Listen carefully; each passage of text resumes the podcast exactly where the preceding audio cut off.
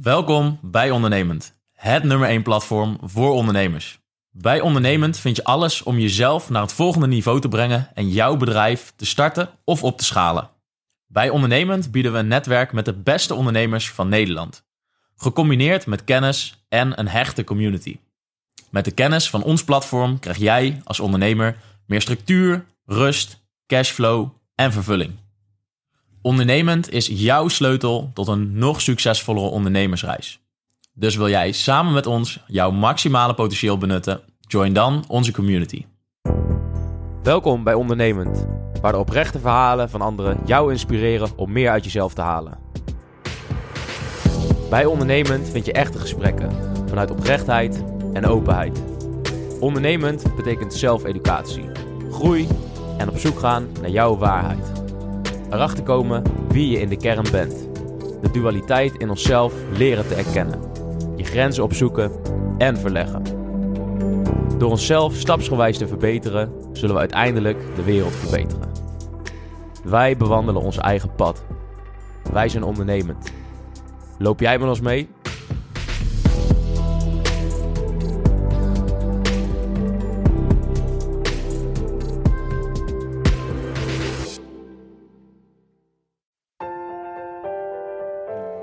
Ja, de wereld gaat niet naar de kloten. Aandelen gaan op de lange termijn met 8% per jaar gemiddeld omhoog, ondanks al die ellende.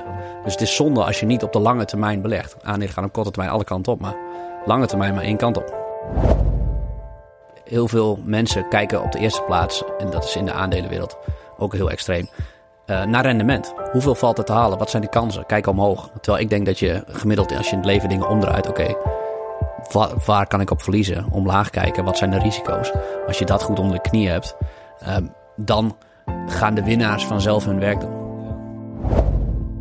Want je kan, je kan die inflatie eigenlijk alleen maar omlaag krijgen door je economie te killen. En dat is, uh, dat is een beetje ja, wat natuurlijk niet leuk is. Ja, ik, ik denk dat we op dit moment in een recessie zitten. Dat volgt altijd wat later, de uitslag. Maar uh, ja, ja, ik denk dat we even gaan krippen. Ik zeg ook vaak, met elke belegging word je of wijzer of rijker, maar nooit allebei. Want als het goed gaat, ja, dan leer je er eigenlijk niet zoveel van. Maar van die fouten en de kunst is om daar, uh, daarvan te leren, daarin te duiken en dat goed in je hoofd te prenten. Dames en heren, welkom bij weer een nieuwe aflevering van Ondernemend de Podcast. Vandaag zitten wij hier met een nieuwe gast, namelijk een belegger, Rowan Nijboer. Rowan belegt inmiddels al 19 jaar in aandelen, heeft zelf ook een eigen podcast, met ondertussen al meer dan 700.000 keer uh, gedownload is. Uh, over de afgelopen 11 jaar heeft Rowan een gemiddeld rendement gehaald van 17,5%. Hij heeft de markt verslagen, wat niet veel mensen kunnen zeggen. En helpt daarnaast ook andere beleggers uh, met het beginnen van beleggen. Ondertussen al meer dan 3500. Dus Rowan, welkom in de podcast.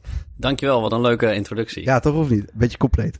Rowan, ja, weet je, wij zijn eigenlijk wel heel erg benieuwd naar jouw verhaal. Weet je, nou ja, er zal vast wel het een en ander gebeurd zijn in die afgelopen 19 jaar dat jij belegt.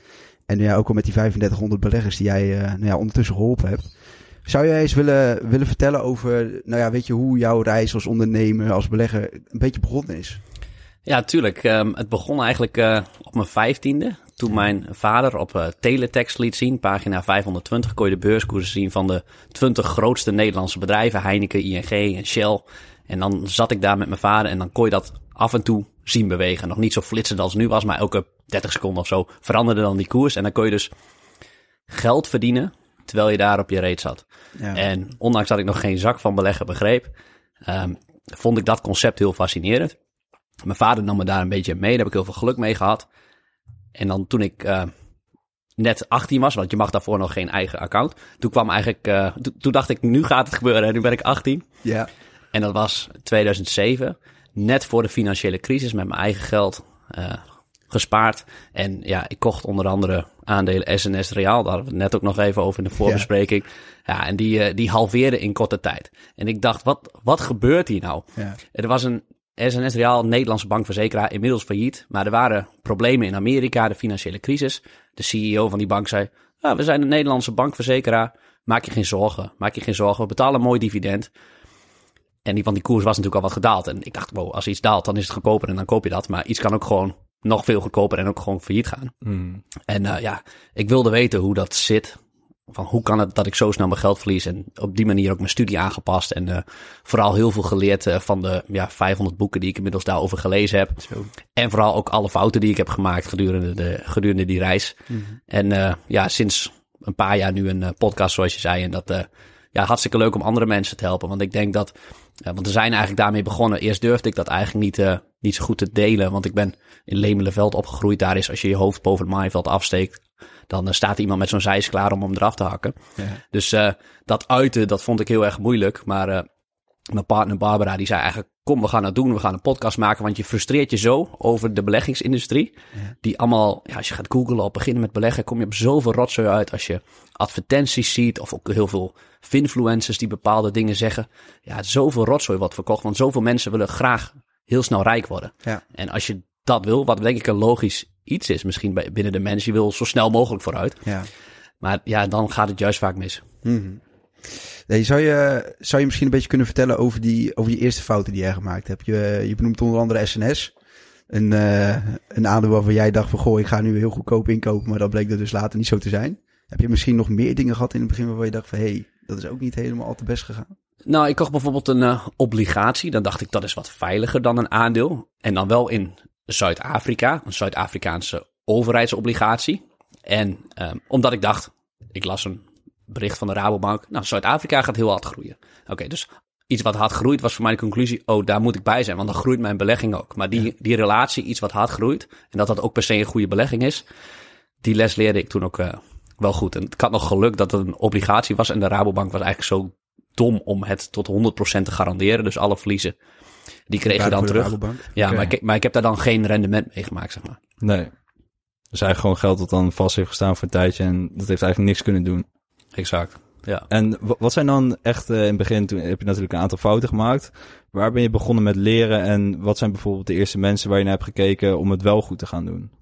Nou, ik las bijvoorbeeld, uh, volgens mij denk ik in uh, 2009 of 2010, een uh, boek van Hendrik Oude Nijhuis. Dat is een echte Nederlandse waardebelegger. Die heeft het boek Leer beleggen zoals Warren Buffett. Mhm. Nou, via dat boek ben ik geïnspireerd naar Buffett. Dat is eigenlijk mijn grote mentor en die heeft mij alles geleerd. Dus ik heb eigenlijk alles gelezen wat hij, of geluisterd wat hij ooit geschreven heeft of gezegd. En ja, dat, dat is mijn grote mentor. Mhm. En vooral, ja, boeken leren me zoveel. En uh, vooral ook van de fouten van andermans, andere mensen waar je zoveel van kan leren. Ja. En ik hoorde je net waardebeleggen noemen. Zou je eens kunnen uitleggen wat, wat dat precies inhoudt? Ja, ik, ik beleg dus uh, alleen in aandelen. En waardebeleggen, ik denk dat elke slimme vorm van beleggen is waardebeleggen. Want als je belegt in iets, wil je eigenlijk minder betalen dan wat je krijgt. Je wil eigenlijk, uh, als je het over Tesla hebt, even, even de auto. Als je, pak een beet, kost 50.000 euro, een Tesla Model 3.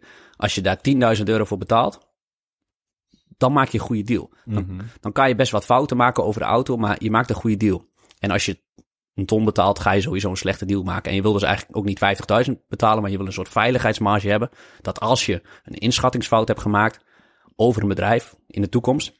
Het gaat allemaal over de toekomst, dus daarom spreid je ook. Je maakt, ik maak continu inschattingsfouten dat de toekomst toch wat anders loopt. Ja. Alleen op die manier, ja, om het even heel plat te zeggen, je wil eigenlijk euro's kopen en daar 50 cent voor betalen. Want Ja. dan kan je bijna niet verliezen.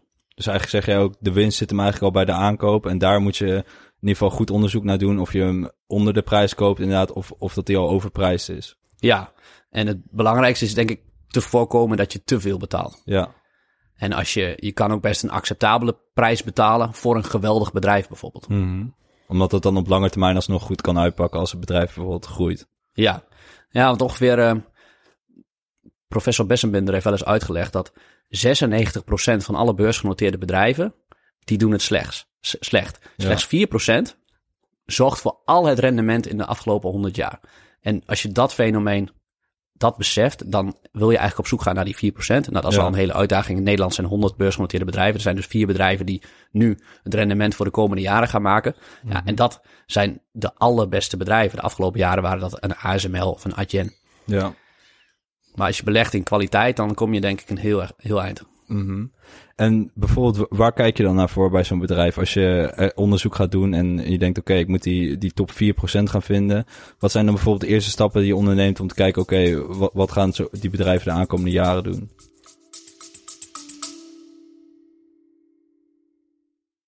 Welkom bij Ondernemend, het nummer 1 platform voor ondernemers. Bij Ondernemend vind je alles om jezelf naar het volgende niveau te brengen en jouw bedrijf te starten of op te schalen. Bij Ondernemend bieden we een netwerk met de beste ondernemers van Nederland. Gecombineerd met kennis en een hechte community. Met de kennis van ons platform krijg jij als ondernemer meer structuur, rust, cashflow en vervulling. Ondernemend is jouw sleutel tot een nog succesvollere ondernemersreis. Dus wil jij samen met ons jouw maximale potentieel benutten? Join dan onze community.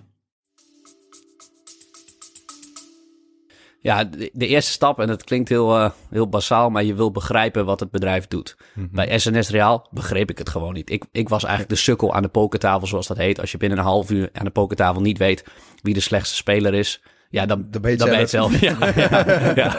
En, uh, en zo werkt het ook met beleggen. Als je niet weet waar je in belegt en dat niet donders goed begrijpt, dan kom je achteraf gewoon voor negatieve verrassingen te staan. Ja. Uh, dat is één aspect. En de volgende aspect wat je wil bestuderen is het management van het bedrijf. De CEO, is dat een integere meneer of mevrouw? Um, en het managementteam, want je, je, ja, je leent als het ware je geld uit. En als je, je, je wilt toch wel weten of diegene betrouwbaar is, dat je je geld op zijn minst terugkrijgt en het liefst nog een veelvoud uitbetaalt. Dus dat de CEO bijvoorbeeld heel veel aandelen heeft in het eigen bedrijf is heel belangrijk. Ja. En ja, wat voor mij ook heel belangrijk is, ja, dat heet een uh, slotgracht. Dat ik alleen wil beleggen in kastelen. Dat zijn dus die bedrijven met kwaliteit, want ons kapitalistisch systeem is bikkelhard. Mm -hmm. Als je ja, als ondernemer, we zitten hier in een prachtige onderneming. Uh, zeker. Als er, uh, ja, als een concurrent ziet dat hier heel veel geld verdiend wordt. En dan gaat hij binnen no time gaat er aan de overkant van de weg ook een concurrent zitten die hetzelfde gaat doen. En dan gaat hij iets onder de prijzen zitten. Gaat gewoon hetzelfde doen. Mm. Ja, en als je beschermd bent door een slotgracht, zoals Warren Buffett dat ook noemt, een, uh, waar haaien en krokodillen in zitten, die het bedrijf eigenlijk beschermen tegen concurrenten, uh, dan, dan zit je goed. En een heel bekend voorbeeld is bijvoorbeeld Apple. Ik geef wel eens lezingen en dan vraag ik, ja, wie heeft er een iPhone? En dan vraag ik daarna, wie koopt hierna weer een iPhone? Ja, dan is het bijna iedereen. Ja. En dat is, zo'n bedrijf is beschermd tegen de grillen van het kapitalisme, tegen concurrentie. En dan kan je veel langer hogere winsten halen. Mm. En hogere winsten betekent ook koersstijging op de lange termijn. Ja, dus, dus dan kan je bijvoorbeeld denken aan terugkerende klanten of een uh, technisch, heel groot technisch voordeel, wat andere bedrijven niet zomaar bij kunnen. En uh, maak je voor jezelf dan ook een lijstje met bijvoorbeeld uh, dat, je, dat je een aantal punten hebt waar je, waarvoor je gaat kijken, oké, okay, klopt dit allemaal? En, en ga je aan de hand daarvan weer selecteer de bedrijven? Ja, ik heb, ik heb als regel dat ik 100 uur onderzoek doe als voordat ik een aandeel koop. Oké. Okay. En op het laatste moment haal ik hem eigenlijk door mijn checklist. Er staan iets van 120 uh, checks op. Ja. Om te checken of ik in dat onderzoek wel alles heb uitgekampt en niet iets over het hoofd heb gezien. Dus dat helpt mij een Mhm. beetje mijn beslissing uh, rationaliseren. Ja. En ze zeggen heel vaak in, eh, in het beleggen dat, dat je emoties echt erbuiten moet laten. Um, hoe, hoe pak jij dat aan? Want, want je zult va vast ook wel eens hebben met een bedrijf dat je denkt... oké, dit, dit is wel een heel mooi bedrijf en dat je er zelf heel veel in ziet. Maar dat je eigenlijk wel af moet vragen of het ook echt zo is... of dat misschien je emoties is. Hoe, hoe heb je dat over de jaren aangepakt om die emotie misschien meer erbuiten te laten... en, en echt ja, aan de hand van feiten een uh, beslissing te nemen? Ja, mooi dat je het opbrengt. Ik geloof echt dat 50% is analyse doen... Maar Mhm. 50% is ook eigen mindset erin. Ja. En onze, onze hersenen, we denken allemaal dat we misschien rationele wezens zijn, maar daar klopt geen zak van. We zijn zo Nee. irrationeel als wat.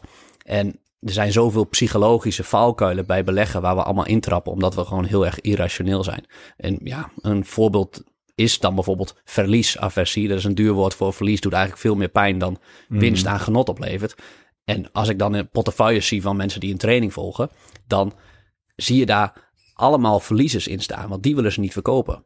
Omdat, ze, omdat er dus psychologisch zoveel pijn doet om verlies te nemen. Ja. Dat is ook de, de reden dat mensen in het casino, als ze op verlies gaan, soms hun inzet gaan verdubbelen. Om in ieder geval kiet te spelen, zoals dat dan uh, heet. Mhm. Ja, maar dat is denk ik op de beurs een hele slechte strategie, omdat de meeste aandelen dus slecht blijven doen. En de vraag zou moeten zijn, welk aandeel presteert op dat moment het beste? En dan kan verlies nemen soms een hele slimme optie zijn. Ja. En ik kon je net dat zeggen dat bijvoorbeeld een hele hoop mensen dan een hele hoop verliezers erin hebben staan. Hoe zorg jij er zelf voor dat jij wel op tijd een aandeel verkoopt en, en dat verlies aanvaardt, zeg maar?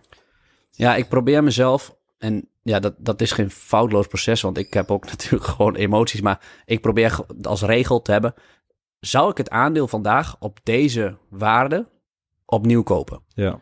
En als het antwoord nee is, dan gaat hij eruit. Mm -hmm. En dan pak ik mijn verlies. Ja. En heb je daar... Uh, Tom, jij wil wat zeggen? Ja, nou, ik hoor je nu nog wel aardig wat dingen zeggen. Want ehm, nou ja, in mijn ogen is beleggen altijd iets passiefs. Weet je, mensen zeggen altijd van, oh, passief geld verdienen en zo, zeg maar. Maar jij hebt nu toch wel aardig gezegd van, ja, weet je, ik doe 100 uur onderzoek voordat ik überhaupt een aankoop doe. Eh, nou vraag ik me eigenlijk wel af, hoeveel aandelen heb jij dan in je portefeuille, dat je het allemaal gewoon nog steeds zo goed kan managen? Tien bedrijven op Tien? dit moment. Ja. Oké, dus dat is wel aardig. Nou ja, hoe moet ik het zeggen? Dat is wel aardig compact, zeg maar. Ja, ja, ik, ja ik, ik wil eh, de index verslaan. En als ik heel veel aandelen in mijn mandje heb, dan één, wat je zegt, dan kost het heel veel tijd om dat te monitoren. En twee, ik geloof gewoon echt in focus. Dat als ik die tien bedrijven gewoon echt, echt goed ken, dan is de kans op succes op de lange termijn. Ik heb dan wel meer volatiliteit in mijn portefeuille. Met een 100 aandelen heb je dat veel minder. Ehm, maar dat vind ik oké, want ik beleg voor de komende 10, 20, 30 jaar. Het is, het is een fantastische hobby om eh, bedrijven te onderzoeken. Dus ja, ik, ik, ik eh, vind dat heel acceptabel. Oké. Dus je doet het wel nog steeds voor de hobby. Ja, ja, het is, het is natuurlijk een hobby. Het is, ik zeg vaak, het is de mooiste bijzaak van het leven. Oké. Het is een, het is een prachtige intellectuele puzzel. Doe je dit ook, aandelen? Ja, ik doe wel aandelen, maar ik ben echt zo'n indexbelegger, zeg maar. Ik heb gewoon een, eh, een all-world indexfonds van, eh, eh, hoe heet dat? ja, ik weet even niet hoe dat heet. En dan heb ik, heb ik drie indexfondsen die volgen de hele wereld. Nou, en dat is hoe ik het doe, zeg maar. Ja, dat is toch goed. Eh, Je bedoelt misschien een Vanguard of een iShares. Vanguard Ja. inderdaad, ja. Vanguard. Ja, ja, kijk, ik denk dat dat voor de meeste mensen heel geschikt is. Want Mhm. je moet ook je afvragen, denk ik als mens, wat is je rendement op tijd? Ja. En eh, ja, ik heb het geluk dat ik er fulltime mee bezig kan. Mhm. Eh, maar als je andere dingen ook leuk vindt en daar misschien wel meer rendement mee kan maken, of in euro's of in plezier, ja, dan kan je beter gaan index beleggen. Mhm. En jullie kennen misschien ook wel de, de feitjes dat 80% van de beleggers een indexfonds niet verslaat. Dus if you can't beat them, eh, join them. Ja. Ja, dat vind ik wel een interessante. Want ik wilde het inderdaad net vragen van... Oké, jij, jij steekt er inderdaad een hele hoop tijd in. Ik was jou voor. Ja, ja was mij voor. maar, maar hoe, wat zou je iemand aanraden inderdaad die, die dan eh, ja, niet zoveel tijd heeft? En daar heb je natuurlijk al een beetje antwoord op gegeven. Maar inderdaad, eh, maar je bent dus niet per se tegen op indexfondsen of, of dat soort... eh, Nee. Nee. ik denk dat dat voor heel veel mensen goed is. En pas als je wat tijd hebt in de week en je vindt het leuk, dan zou, zou je een deel van je portefeuille richting losse aandelen kunnen doen en daar langzaam over kunnen leren. Ja, ja precies. Leuk man. En waar begin je dan mee? Als je in eerste instantie als je altijd in indexfondsen gedaan hebt, zeg maar. Waar, waar begin je, nou ja, als, als, als nieuwe financieel inspecteur met, eh, met informatie, eh, informatie vergaren? Ja, nou, ik zou de, e- dan de eerste stap zijn als je zegt van ik wil dat proberen, zou ik gewoon een aandeel kopen. Oké. En op het moment dat je het koopt, dan beginnen er ook al psychologische dingen te spelen als het eh, endowment effect, zoals dat heet, maar een soort eigenaarseffect. Oké, ik ben nu eigenaar van iets. Oké, dan wil ik het ook volgen. En dan ga je het vanzelf, ga je dat interessant vinden, want ja, ja je, bent, je bent de eigenaar van. En ja, op die manier ga je langzaam leren over het bedrijf en eh, eventueel eerst nog met dingen die wat kwalitatief zijn, zoals het management of het competitief voordeel en de producten, de technologie. En later ook de cijfers, misschien het jaarverslag, als je dat leuk vindt. Nou, niet iedereen vindt dat even leuk, Nee, maar... dat eh, kan ik me voorstellen. Jij leest wel, jij leest wel jaarverslagen. Ja, dat is leuk. Dat is leuk. Dat is, dat is hobby. Ja, ja. Ja. ja. Nou, daar moet je er wel echt passie voor hebben. ik weet, het is gewoon zo leuk dat je na die 100 uur studie... Het is zo'n intellectuele puzzel. Is, Ja. het, is het nou een goede deal of niet? Meestal niet. En dan of je dan drie of vijf jaar later gelijk hebt gekregen of niet, ja, dat vind ik fantastisch. Ja, dat je het helemaal kan volgen en dan dat je ook kan kijken, oké, hier heb ik bepaalde fouten op gemaakt of hier heb ik eh me in vergist. En dat kan, eh, reflecteer je daar ook weer op? Op bijvoorbeeld als je dan een bedrijf voor 100 uur hebt gevolgd en je ziet, oké, dit, dit, loopt heel anders.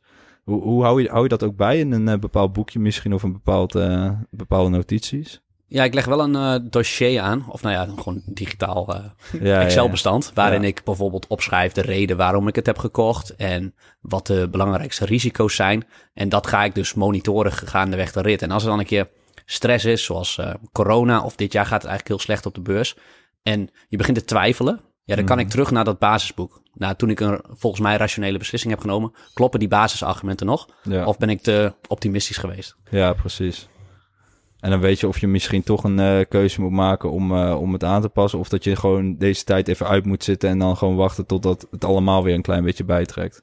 Ja, ja, Ja. precies. Ja. En ik vond het gewoon interessant, want ik eh, hoorde in een podcast hoorde ik je zeggen dat, dat, dat heel veel financiële insti- instituten, eigenlijk als je daarbij gaat beleggen, dat, dat die heel veel ervan afsnoepen. En dat dat eigenlijk zonde is van je rendement. Hoe kan je ervoor zorgen als, als beginnende belegger dat je, dat je wel eh, zelf kan beleggen en dus, dus het volledige rendement krijgt, als het ware, of nou volledig, je betaalt natuurlijk altijd een kleine commissie. Maar dat je wel zoveel mogelijk rendement overhoudt. Ja, ik weet niet of je dan bedoelt, wat, of, ik, of ik je vraag goed begrijp, maar ik zou zeggen, ga een, gebruik een eigen broker als een, Ja. de Giro bijvoorbeeld is een bekende. En dan heb je al veel lagere kosten. Heb je nog wel commissies, maar niet altijd die vaste kosten. Soms zit daar 1 of 2 procent eh, in de beleggingswereld. Ja, dat wil je gewoon niet, want dat tikt op de lange termijn exponentieel aan die hoge kosten. Ja, Eh, en je kan dat best zelf doen. En het vergt een heel klein beetje discipline. Dat je dat dan maandelijks in een indexfonds elke maand wat koopt. Nou ja, eens één keer inloggen en een transactie doen. Mhm.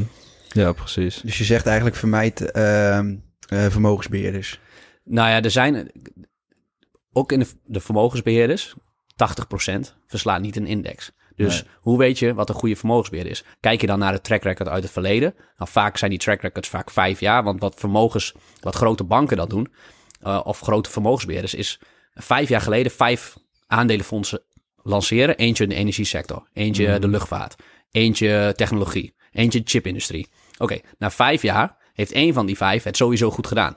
Als de olieprijs goed was, nou, dan heeft de energiesector het goed gedaan. Als de olieprijs heel laag was, heeft de vliegtuigindustrie het misschien goed gedaan. Dus dat zit een, Ja. en dan, ze killen dan die andere vier. En met die ene gaan ze dan reclame maken. Dus dan Ja. je, ga je op basis van, wow, mooi track record in het verleden.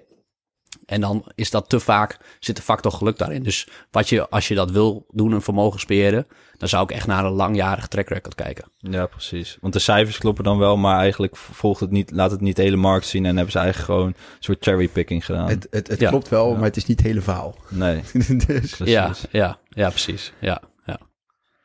Nee, precies. En ehm, je hebt toen op een gegeven moment ben je beter geworden in het beleggen. En vanaf wanneer is echt het moment gekomen dat je, ja, dat je deze structuur er zo goed in had zitten dat je ook langzaam echt rendement begon te maken wat ook wat stabieler was en waar je minder grote fouten had? Nou ja, die, eh, ik, ik ben nog steeds een beginner. Uh, je, je wordt elk jaar iets, ietsje beter en eh, je maakt nog steeds fouten. Drie op de tien aandelen gaan niet zoals ik eh, had verwacht. Dus eh, gelukkig is het bij beleggen zo dat die anderen daar normaal gesproken hopelijk voor compenseren. Ja. En eh, ja, ja, gaandeweg ontwikkel je dat door gewoon heel veel te lezen. Je wordt gewoon elke keer, ja, het is net als eh, een Messi of zo. Die was ook niet, toen hij tien was, wereldtop. Ja, die wordt gaandeweg beter. Ja. Nou hoop ik niet dat ik dan ook eh, langzaam aftakel zoals een Ronaldo bijvoorbeeld. Nee. Maar eh, Ja, bij beleggen gaat het gelukkig wat langzamer. Het is wat minder fysieke inspanning. Ja, precies. Ja, precies. Nee, dat kan je doen tot je dood. En eh, dat, dat is het mooie hier ook van. Zo is dat. En vanaf wanneer ben je er ook eh, dingen bij gaan doen? Bijvoorbeeld, nu, heb je, nu is het veel groter dan alleen beleggen. Je leert bijvoorbeeld anderen ook te beleggen. Hoe is dat eh, van start gegaan? Ja, ik ben eerst altijd docent geweest. Tot ik nog eh, vorig jaar zomer nog twee dagen les gegeven. Economie. Dus ik vind het eigenlijk heel leuk om mensen te helpen. Ja. Maar qua beleggen durfde ik dat eigenlijk niet. Zoals ik aan het begin vertel met die, dat Maaiveld en die Zeis. Ik vond het gewoon hartstikke moeilijk om mij te, te profileren. Want je moet toch zeggen... ik weet hoe het zit. Ja, ja, Ja. Weet, je, weet je wel, ja. Weet je wel, ja. Als gaan mensen Ja. niet luisteren natuurlijk. nee, nee. En uh, maar ik, ik, dacht van ja, wie, wie ben ik nou? Wie ben ik nou? En dan, nou ja, ga, ik weet nog de eerste keer dat ik de eerste podcast online zette, moest uh, mijn partner Barbara moest op plaatsen klikken op LinkedIn bijvoorbeeld. Dat ja. ik dat zo spannend vond. Want wat zullen mensen uit mijn omgeving wel niet van mij denken? Ja. Wijsneus of dat soort zaken. Ja. Nou ja, nu heb ik daar geen last meer van. En nu denk ik ook, ik kom het voor mezelf wel rationaliseren van ja, als je het niet doet, dan ben je ook eigenlijk een super lafaard. Want je frustreert je over de beleggingsindustrie en je doet er eigenlijk niks aan. Mm. En uh, ja, zo gaandeweg en gaandeweg als je vaker in zo'n podcast spreekt. Ik weet niet, als ik mijn eerste podcast terug hoor, dat is, dat is, dat is stenen krommend. Ik weet niet hoe, de, hoe dat bij jullie zit, maar ja, ook, gaandeweg, ga je, ook, ga je, ook. gaandeweg ga je vooruit. ik vond meevallen. ik, heb gelu- ik heb je eerste podcast geluisterd, ja? dus ik vond meevallen. Oké, okay, oké. Okay. Wij konden het begin helemaal niet knippen. Dan was het gewoon, als die avond stond die aan en dan moesten we er niks meer aan doen. Nee. Oh. dus dan liep hij gewoon door. ja. Ja. Dus, ja. Dat is overal hetzelfde. Hey, maar jij, jij zegt net ook frustratie over de beleggingswereld op het moment. Wat, wat zijn dan dingen, waar moet ik dan aan denken, waar jij op het moment misschien een beetje aan frustreert? Nou ja, mensen hebben dus, daar spraken we al over, heel erg de behoefte om heel snel rijk te worden. Mm -hmm. um, daar spelen heel veel partijen op die behoefte in. Dat je advertenties ziet van dat je met daytraden... Um, uh, en dan komt er toevallig iemand voorrijden in een Maserati uh, of op een boot. Dat je heel makkelijk heel erg rijk kan worden. En ja, dat is gewoon een illusie. De wetenschap wijst uit. En dat, ik heb het geluk gehad dat ik op de universiteit heel veel onderzoek heb kunnen doen van welke manieren van beleggen werken nou. Nou, 99% van alle daytraders, die behalen hele slechte rendementen. Mm. En toch zijn alle advertenties gaan over daytraden. En niet over waarde beleggen. Want dat is eigenlijk heel erg saai. Ja. Ja. En eh, voor veel mensen, dat gaat niet snel genoeg. Ja, daar, dat, is een, dat is een frustratie. Dat, dat, ja, dat mensen dus eigenlijk, ja, het is, sommigen zouden misschien zeggen, ja, het is survival of the fittest. Blijkbaar eh, is daar een behoefte van mensen. En ja, het is gewoon een wisseling van geld van degene die wat slimmer is dan degene die Ja. eh, daar niet zo goed, niet, niet slimmer is, maar gewoon er minder van af weet. En dat vind ik het, dat vind ik het sneuwen. Iemand die net wil beginnen met beleggen, ja, die weet gewoon nog niks. En dan kom je bij de verkeerde partijen uit. Ja, dat is, eh, dat is Ja. één frustratie. En wat ik ook wel soms pijnlijk vind, en dat zie je vooral in deze tijden nu het wat slechter gaat, dan komen allerlei eh paniekzaaiers, die eh, parasiteren eigenlijk op de angst van de medemens, dat de wereld zogenaamd naar de kloten gaat. Nou, dat wordt al honderd jaar geroep- geroepen dat de wereld naar de kloten gaat. We hebben van allerlei wereldoorlogen, e- epidemieën gehad. We hebben eerder, eerdere periodes met hoge inflatie gehad in de jaren zeventig. Mhm. Ja, de wereld gaat niet naar de kloten. Aandelen gaan op de lange termijn met 8% per jaar gemiddeld omhoog, ondanks al die ellende. Dus het is zonde als je niet op de lange termijn belegt. Aandelen gaan op korte termijn alle kanten op, maar lange termijn maar één kant op. Mhm. Het is dan eigenlijk een beetje, als ik jou zo begrijp, maar net een beetje waar je op focust. Je kan misschien altijd wel iets zien wat verkeerd gaat en altijd wel iets zien wat, nou ja, erop duidt dat het misschien helemaal de verkeerde kant op gaat. Maar op de lange termijn gaat het tot nu toe nog altijd goed.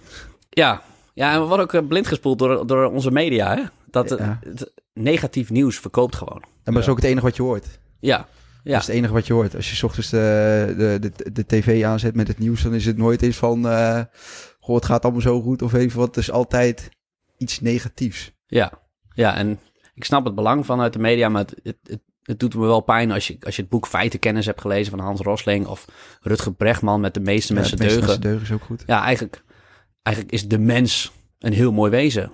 En Mhm. ook is, gaat de wereld elke keer een stukje beter. En gaat het eigenlijk helemaal niet zo slecht als we denken. Maar als je in, in dit moment zit en niet weet uit te zoomen, dan, en volgt, je volgt de media, de kranten, dan kan ik me voorstellen dat je denkt dat het slecht gaat met de wereld. Maar dat is niet zo. Mhm. Ja, vind ik een hele goeie. En eh, bijvoorbeeld, eh, want, want inderdaad, heel veel mensen spiegelen voor met, eh, met beleggen kan je heel snel heel veel geld verdienen. Hoe pak jij dat aan in je cursus? Wat, wat zijn bijvoorbeeld de eerste, eerste dingen die iemand leert in, in je cursus?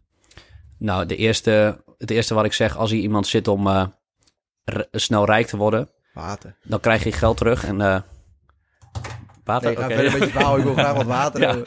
Ja, het is hier behoorlijk eh, tropisch, hè? Ja, inderdaad. We hebben de schoentjes eh, uitgetrokken. Ja. uit. Nou, dat, eh, dat, eh, dat ruiken de mensen gelukkig eh, thuis niet. Maar ga verder met je verhaal. Ehm, waar, waar ging het over? Cursus beleggen, wat je de eerste, eerste lessen die iemand meekrijgt. Ja, dat bijvoorbeeld dat het niet zo simpel is als je denkt. Je kan niet verwachten dat als je net begint met losse aandelen in dit geval, en ik noem vaak het voorbeeld, als je bij Mike Tyson in de ring stapt, ongetraind, kan heel even goed gaan. Maar uiteindelijk krijg je klappen. Mm. En toch verwachten mensen als ze een aandeel gaan selecteren, oh ja, mooi verhaal gehoord over eh, Nvidia, mooi verhaal gehoord over Tesla. Dit moet ik doen. Dat je een beetje op gevoel doet. Dat je dan denkt in één keer hele goede rendementen gaat behalen. Ja, en dan is er een garantie dat je bij die 80% gaat horen en misschien wel echt geld gaat verliezen zelfs. Mhm. En jij, jij analyseert bijvoorbeeld echt een, echt een aandeel helemaal. Maar maak je ook gebruik van technische analyse? Of, of baseer je het echt alleen op, eh, op bijvoorbeeld management en eh, het hele product helemaal zelf? Ja, nou, ik had het net over de wetenschap op de, dat daytraders het heel slecht doen. Ja. Technisch analisten ook. Kijk, Ja. Dan kijken ze gewoon in, eh, bij een broker, doen wetenschappers onderzoek. Welke beleggers doen naar technische analyse? Kijken ze naar de rendementen. Nou, blijkt als groep dramatisch te zijn, samen met daytraders. Een betere groep zijn, eh, en daarna komen eigenlijk de mannen. Mannen zijn ook eh, wat slechtere beleggers. Ja. Daarna komen de vrouwen. Brontjes beleggen beter. Ja, ja, exact, exact. het is toch, eh, vrouwen hebben wat minder ego. Eh, wij mannen denken toch dat we het wel weten en willen op een verjaardagsfeestje graag, eh, graag eh, stoer doen. Van, Mhm. ik heb dit aandeel. En als je dat verkondigd hebt, ja, en het gaat slecht, ga je nog weer bijkopen, want ja, het komt wel goed. En, en vrouwen hebben wat minder last van dat soort dingen. Nou, ik Ja. weet niet of vrouwen per se emotieloos zijn. Dat misschien niet, maar... ja, ja. Maar die alle, allerhoogste categorie met de beste rendementen zijn dus de dode beleggers. Mensen die overleden zijn, die handelen logischerwijs niet meer. Die behalen de beste rendementen. Dus de mensen die veel handelen, de slechtste als groep. Dode mensen, de, ehm, de beste. Ik denk dat daar een hele mooie les in zit. Dat je gewoon... ehm, sommige dingen kosten gewoon tijd. Ja, of hoe minder emotie je hebt. Dat helpt ook, ja. ja. ja, ja. Nee, maar inderdaad, hoe minder je eraan komt en hoe objectiever je naar kan kijken, misschien hoe beter het is. Ja, en ik denk ook dat dat gemoedsrust geeft. Want ik heb weliswaar 10 aandelen, ik doe 100 uur onderzoek. Maar mijn aandelen zitten ook jaren in portefeuille. Mhm. En dan is het, het eerste onderzoek kost veel tijd. Maar daarna is het monitoren en in de gaten houden en zien hoe het, hoe het, hoe het, hoe het, hoe het kind eigenlijk groeit. Of, het, of de boom, als het ware. Ja. Dus hieruit kan ik ook halen dat jij niet echt gebruik maakt van technische analyses. Klopt, ik had ook gewoon dat gelijk. nee, mooi, mooi, mooi, eh, mooi verhaal. Dus, ik ben ook nog wel benieuwd van... Je bent toen begonnen met eh, ja, het, het ondernemersvak er ook nog bij. Want ik bedoel, als je eerst alleen aandelen doet... dan moet je natuurlijk... Ja, je bent helemaal verantwoordelijk voor jezelf. Maar als je dan natuurlijk op een gegeven moment les gaat geven aan anderen... dan komen er een hele hoop verantwoordelijkheden bij... voor je bedrijf, voor, voor, de mensen waar je les aan geeft. Hoe heb je dat aan het begin aangepakt? Want dat, is natuurlijk ook weer een hele andere tak van sport. Ja, hartstikke kloten. Een en al ellende. Dat, dat overkwam me echt dat het bedrijf heel erg goed ging lopen. En op een gegeven moment was ik alleen maar bezig met ondernemen. Ja, Een tijdje. En dan had ik geen tijd meer voor mijn passie, beleggen. Ik denk, waar is dit misgegaan? En ja, dat lag natuurlijk aan mij. Dat ik eh, iedereen perfect wilde helpen. Elk mailtje persoonlijk wilde beantwoorden. Ja, op een gegeven moment kan je erachter, ja, als ik dat nu ga doen... dan help ik mezelf niet, want dan eh, raak ik helemaal de weg kwijt. En daardoor help ik dan helemaal niemand meer. En dus, eh, dus dit moeten we niet doen. Dus dan neem je wat personeel aan en dan leer je daarin ook je, je eigen grens een beetje kennen. ja. Het is moeilijk, ik vind het moeilijk om nee te zeggen. En eh, ja, als ondernemer is denk ik een belangrijk deel is, is soms ook gewoon nee zeggen. Mm, Absoluut. zeker. Weet je, als je nee zegt tegen het anders, zeg je ook weer ja tegen, het, tegen weer iets anders natuurlijk. Dat is prachtig. Ja, daar heb ik zelf ook moeite mee hoor. ja, we zijn ook ambitieus natuurlijk. En we willen ook gewoon, eh, we willen, je wilt ook eigenlijk gewoon gaan. En Dus ik denk dat ook een dat mooie drijfveer is. Maar precies wat jij zegt. Als je nee zegt tegen het een, kan je weer ja zeggen tegen het ander. Mhm. Zeker. Mooi. Verder nog dingen in het begin waar je tegenaan gelopen bent? Administratie, boekhouding. Ja, al- allemaal, allemaal kloten. ja, al die randzaken. Ja, ik heb het nu zo ingericht dat ik eigenlijk één dag in de week met de onderneming bezig ben. Mhm. En vier dagen met beleggen. En eh, dat, dat voor mij is, eh, dat is een goede balans. Want het ondernemen vind ik ook leuk. En ik denk ook dat ondernemers zijn gemiddeld ook wel goede beleggers. Want die weten, als je ergens eigenaar van bent. ehm, op de beurs, als je een aandeel koopt, ben je ook eigenaar van het bedrijf. Als je een aandeel Apple koopt, ben je voor een deel, piepklein deel, mede-eigenaar van Apple. En als Apple het dan goed doet, dan doe jij het goed. Zo simpel is het. En ondernemers begrijpen dat concept, dat als je een aandeel koopt, dat het niet, is niet zomaar een stukje papier. Wat op en neer willekeurig begint. Het is een eigendomsprijs. Ja. ja, die hebben natuurlijk daar wel meer gevoel bij. Ja. En, ko- eh, maar zo, zo ondernemers zijn wel vaak te agressief, heb ik gehoord, op de, op de aandelenmarkt. Ja, Dat komt uit jouw woorden namelijk, dat heb ik gehoord in een podcast. Dit, kl- dit klopt ook. Dus dit is de, dit is de keerzijde. Dus Ja. een ondernemer houdt ook van risico's. Ehm, heeft vaak het gevoel dat hij het beheerst. eh, heeft vaak veel zelfvertrouwen. En dat soort dingen, veel zelfvertrouwen, dat kan je... in de weg gaan zitten. Ja, ja, dat is een hele slechte... ja. Een soort over... Ja, dat is gewoon in het Engels eh, zelfvertrouwen. Maar dat je te veel zelfvertrouwen hebt. En dat, Ja. eh, dan gaat het mis. En dan ga je te grote risico's nemen. Ja, precies. En dat moet je eigenlijk gewoon voorkomen. Je wil eigenlijk wel... eh dat zelfvertrouwen kan goed zijn, maar je wil wel in ieder geval je, je, ja, je keuzes maken op feiten en niet maar gewoon dat je denkt, oké, ik heb gelijk. Ja, ja, en je wil denk ik jezelf heel goed kennen. Het is Ja. Zowel, zowel ondernemer als gewoon mens. Want iedereen is, elk mens is natuurlijk anders. Je hebt, je hebt andere types beleggers. Je hebt een behoudende belegger. Je hebt een wat Mhm. accumulerende belegger. Nou, de behoudende belegger die gaat misschien nooit beleggen. Of die wacht jaren en, of doet heel weinig. Nou, dat is misschien niet goed. Maar je hebt ook een, iemand die gelijk volle bak gaat. Of heel erg getro- getrokken wordt richting de CFD's of de opties. Of Ja. Allerlei chemische producten. Mhm. Ja, ja, en daar moet je jezelf voor kennen van, oh, ik heb misschien, ik ben accumulerend, ik wil heel veel risico nemen als ondernemer. Oké, maar dan doe ik misschien een klein potje van mijn geld. Ga ik, is dat speelgeld? Prima, dan haal ik daar die kick uit en ga ik daarvoor, en dan geloof ik daarin. En de rest doe ik gewoon eh index beleggen of een stabiele portefeuille. En dat is dan mijn pensioen, waar je als ondernemer juist zo hard voor gewerkt hebt, dat je dat niet eh verspeelt op de beurs. Want dat komt, eh, dat komt vaak voor, vaker voor dan je denkt. Dat horen we natuurlijk nooit, maar dat komt vaak voor. Ja. En ik net, ja, we hebben het nu over jezelf leren kennen. Wat zijn bijvoorbeeld eh, dingen die, die, waar je zelf achter bent gekomen? Oh, ik doe dit op een bepaalde manier. Hoe ben jij eigenlijk jezelf leren kennen door het beleggersavontuur? Nou, op het, op het begin in mijn beleggersleven wilde ik controle hebben over alles. Macro-economie, inflatie, rentestanden en ook nog eens die bedrijven. Nou, gaandeweg, ik denk dat het stoïcisme daar bijvoorbeeld wel in geholpen heeft. Die zeggen heel erg, focus op waar je controle over hebt en laat de rest los. En op dat moment, als je dat beseft, En ja, de hele wereld maakt zich druk over inflatie, macro-economie, dat soort zaken. Laat ze lekker zorgen maken. Ik doe gewoon mijn eigen ding en ben daar stoïcijns in. Ik focus op waar ik controle over heb. Mhm. Dus inderdaad gewoon eh, echt, je hebt daar echt geleerd dat je bijvoorbeeld heel veel dingen heb je gewoon geen invloed op. En dat kan je dan, heb je meer los leren laten. En in het begin heb je daar misschien te veel aandacht aan besteed. En gaandeweg ben je daar eigenlijk eh, ja, meer los van gekomen en je eigen keuzes eh, leren maken. En bijvoorbeeld, want ik hoor je nu over stoïci- stoïcijns, eh, eh, stoïcisme is het goede woord. En wat zijn bijvoorbeeld bepaalde boeken of bepaalde personen die je daarin hebt gevolgd, die je daar echt eh, meer over hebben geleerd?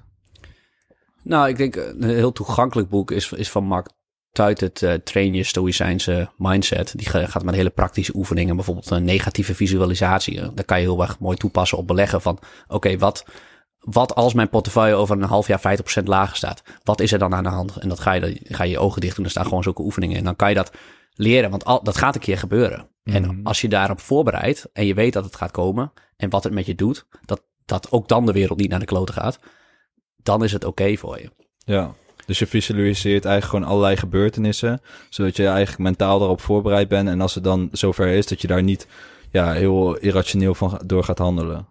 Ja, ja, dat is het doel, ja. Uiteindelijk, Ja. want onder stress neem je zulke slechte beslissingen als mensen. Dat komt nog van ons eh, oerinstinct, van ons dierenbrein. Vroeger als er een leeuw aankwam, was het beter om gewoon voor de zekerheid weg te rennen. Ja, en dat diereninstinct zit nog in ons. Als er angst dreigt, ja, willen we vluchten. En op de beurs is dat gewoon een mega slechte raadgever. Want Ja. vluchten betekent dan verkopen, terwijl... Ja, als het bloed door de straten loopt, als de wereld naar de kloten lijkt te Ja. gaan op het diepte van, van corona, ja, dan moet je juist kopen. Dan moet je Mhm. kopen. Zeker. Dus je moet eigenlijk ook juist niet naar je gevoel luisteren op de beurs. Dat is ook een beetje gek. Beetje tegendraads denken. Juist. Hey, en je beschrijft net ook heel veel verschillende soorten eh, beleggers. eh, met allemaal zijn eigen, de, hun eigen eigenschappen, zeg maar.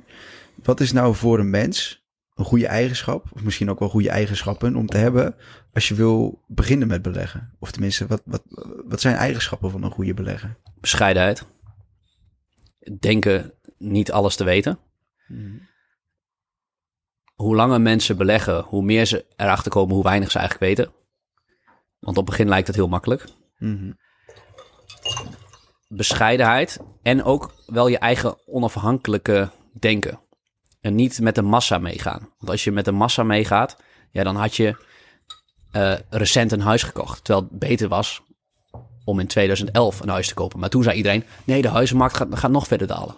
We moeten geen huis kopen. Of met crypto of andere bubbels. Er was ook in 2018 een cannabisbubbel. Je moest alleen maar cannabis aandelen hebben. Nou ja, als je dan die koersen van die bedrijven nu ziet, is allemaal 90% vanaf. Ja. Ja, dat, eh, ja, maar toen had iedereen het op social media daarover. Dus je wil heel erg je eigen onafhankelijke denken daarin hebben en je eigen koers varen. En in die zin voor een deel scheid hebben aan de mening van anderen. Natuurlijk Ja. is dat ook, je moet niet helemaal, je moet ook leren van anderen en zo. Maar ja, je snapt het idee. Naar de juiste mensen leren luisteren. Ja, ja, ja. Ja, vind ik wel mooi dat je dat zegt, inderdaad. Van als, je, als je het overal hoort, eh, dan moet je jezelf toch gewoon een keer gaan afvragen. Dat heb ik persoonlijk inderdaad ook ervaren toen met de, met de crypto's. Als de, toen eh, heeft iemand wel eens gezegd tegen mij van... als de buschauffeur erover begint te praten, dan eh, is het een goed moment om uit te stappen. Ja. En dat was, dat was gewoon letterlijk zo. Gewoon, ik zat in de bus en toen hoorde ik de buschauffeur erover praten. Nee. En echt Ja. een maand later crashte gewoon de hele cryptomarkt in 2017, 18, ik weet niet. Ik denk 17. Oh, dan is het nog goed gekomen. Ja, ja, uiteindelijk is het zeker nog goed gekomen. Maar dat is wel mooi dat je dat, eh, dat, je dat zo aankaart. Ja, ja. Ja, nee, dat is, eh, dat is een perfect eh, voorbeeld, ja. ja. Zeker. En je hebt, je hebt ook opleiding heb je gevolgd aan de hand van... Want ik hoorde je in 2007 zeggen dat je, dat je ook je opleiding hebt omgegooid... om meer richting eh, beleggen te gaan. Of in ieder geval de financiële markt, denk ik. Wat, wat voor opleiding heb je eigenlijk gedaan? Ja, een bachelor bedrijfseconomie, dat is heel erg op boekhouden geleerd. Dus dat gaat wat minder over beleggen, want dat is meer het perspectief van een accountant. En een accountant zijn niet per se goede beleggers, want die, ehm, als, als accountants goede beleggers waren, die kunnen natuurlijk de cijfers allemaal lezen, maar dan waren alle accountants wel miljonair geweest. Ja, Uh, maar die kijken met een, denk ik, verkeerde bril naar een bedrijf, of het gewoon wel in de basis goed is. Maar die zien niet uh, de toekomst bijvoorbeeld, want cijfers zijn altijd iets uit het verleden. Mhm. En beleggers voor een deel vooruitzien. En uh, wat, wa- ik ben de vraag kwijt voor de rest. je, wat voor opleiding je hebt gedaan? Welke Oh ja. Ja, bachelor bedrijfseconomie. ik lul te veel, hè? Luister, daarvoor is de podcast, joh. Ja. Ik moet gewoon lekker praten, man. Ja, ehm, en toen ehm, een master eh, financiële markten, Ja, internationale financiële markten. En eh, ja, dan ga je de werking van alles bekijken. En toen had ik ook tijd om te bestuderen en Warren Buffett te bestuderen en alle boeken te lezen. Ja, dat was, dat was echt gouden tijd. Kon ik daar allemaal onderzoek naar doen, terwijl ik gewoon een student was. En eh, op die manier eh, beleggen leren en gewoon onderzoeken wat werkt en wat niet werkt. ja, je zat dus wel echt op je plek. Ja, ja, Ja. dat was een mooie tijd. Zeker. En wat, wat ben je daarna gaan doen? Want heb je, heb je nog veel gedaan met je, met je opleiding? Of ben je eigenlijk gelijk toch wel, eh, nou ja, gelijk fulltime beleggen is misschien wel heel extreem. Maar ik weet niet, hoe, hoe is dat verlopen? Nou ja, ik, ik wilde eerst altijd zakenbankier worden. Lekker, Ja. lekker naar Londen, veel geld verdienen. Ehm, maar toen deed ik het met mijn eh, studievereniging in Groningen eh, een banking tour. Al die Mhm. zakenbanken langs, eh, Morgan Stanley, Ja. Bank of America. En daar raakte ik zo afgeknapt op die wereld. Want Ja. het was, was echt een ellebogenwereld. Zeker. En daar, ja, daar hou ik gewoon. Ja, toen dacht ik echt, ik, ik wil dit niet. Ik ga wat anders doen. Dus toen dacht ik, ja, wat moet ik dan? En ehm, toen heb ik gewoon op random een mailopdracht gedaan met een docent economie. En toen vond ik dat super lachen. Toen dacht ik, doe ik daar even een opleiding daarna. En alleen, dus ging ik dat eerst doen, eerst een paar jaar. Maar dat beleggen, dat, zat, dat is altijd gebleven. En dat bleef zo'n passie. En dus gaandeweg werd dat steeds groter en het lesgeven steeds, minder. minder. Ja. En het is, ik ben natuurlijk ook nog nu voor een deel aan het lesgeven. Het is wel in een andere vorm, maar eh, in de basis is het hetzelfde. Zeker. Vind ik wel mooi net dat je het zegt van die eh, zakenbankier in Londen. Want weet je dat die, dat die mensen eigenlijk ook helemaal niet veel geld overhouden? Omdat het zo duur is om daar te wonen. Ja, of, eh, dat ook. Maar ook bijvoorbeeld, eh, je wordt daar eigenlijk helemaal bedrijf in ingezogen. Want je wordt dan partner en dan krijg je een deel uitbetaald in, in aandelen in het bedrijf.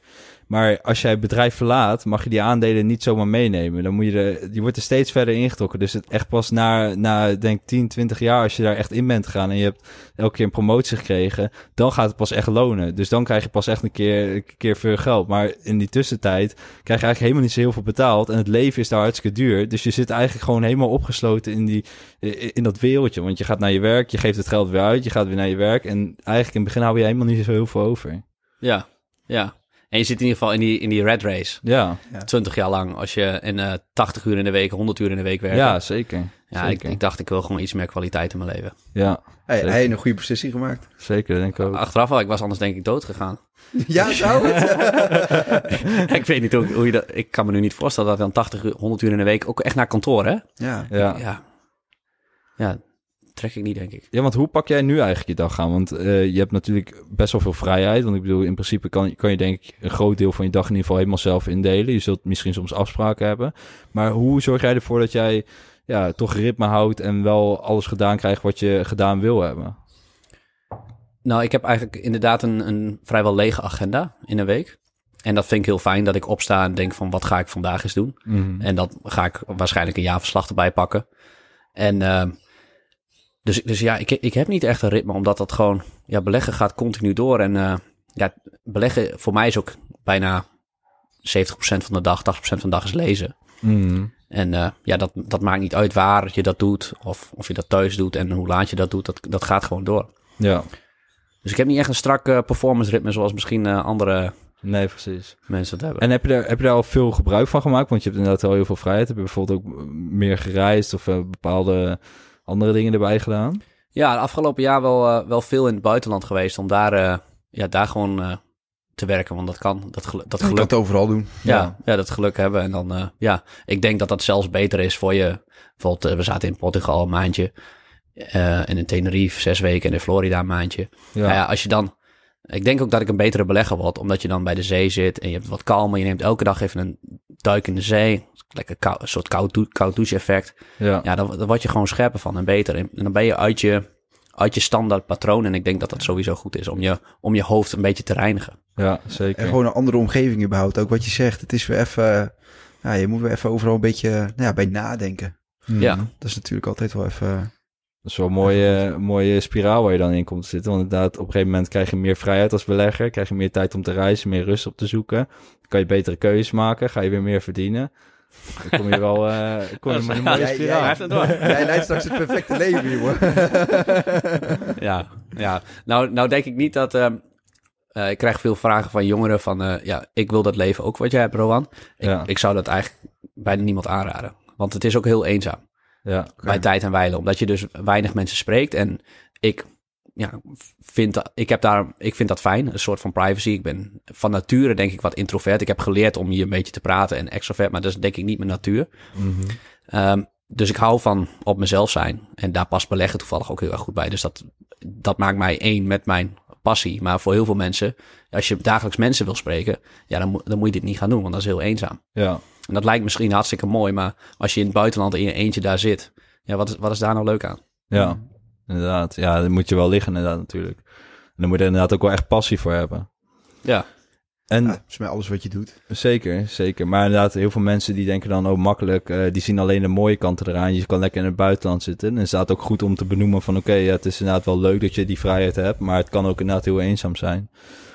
Ik eh, vroeg me eigenlijk nog wel af, want nu heb je bijvoorbeeld ook eh, een heel groot deel erbij is ondernemen en andere mensen lesgeven. Hoe, hoe was dat vanuit het buitenland eh, om, om dat te doen? Dat ging prima. Ja? Ja, ja, want kijk, we hebben ook in die zin geluk gehad met corona, want toen gingen heel veel mensen beleggen. En toen werd het eigenlijk ook geaccepteerd door mensen dat, dat je online ook gewoon een training kan volgen. Ja. En eerst eh, had, ik, had ik moeite om, om in Zwolle een zaal vol te krijgen. Ja, wie wil er nou naar Zwolle? Dat snap ik, dat snap ik misschien ook wel.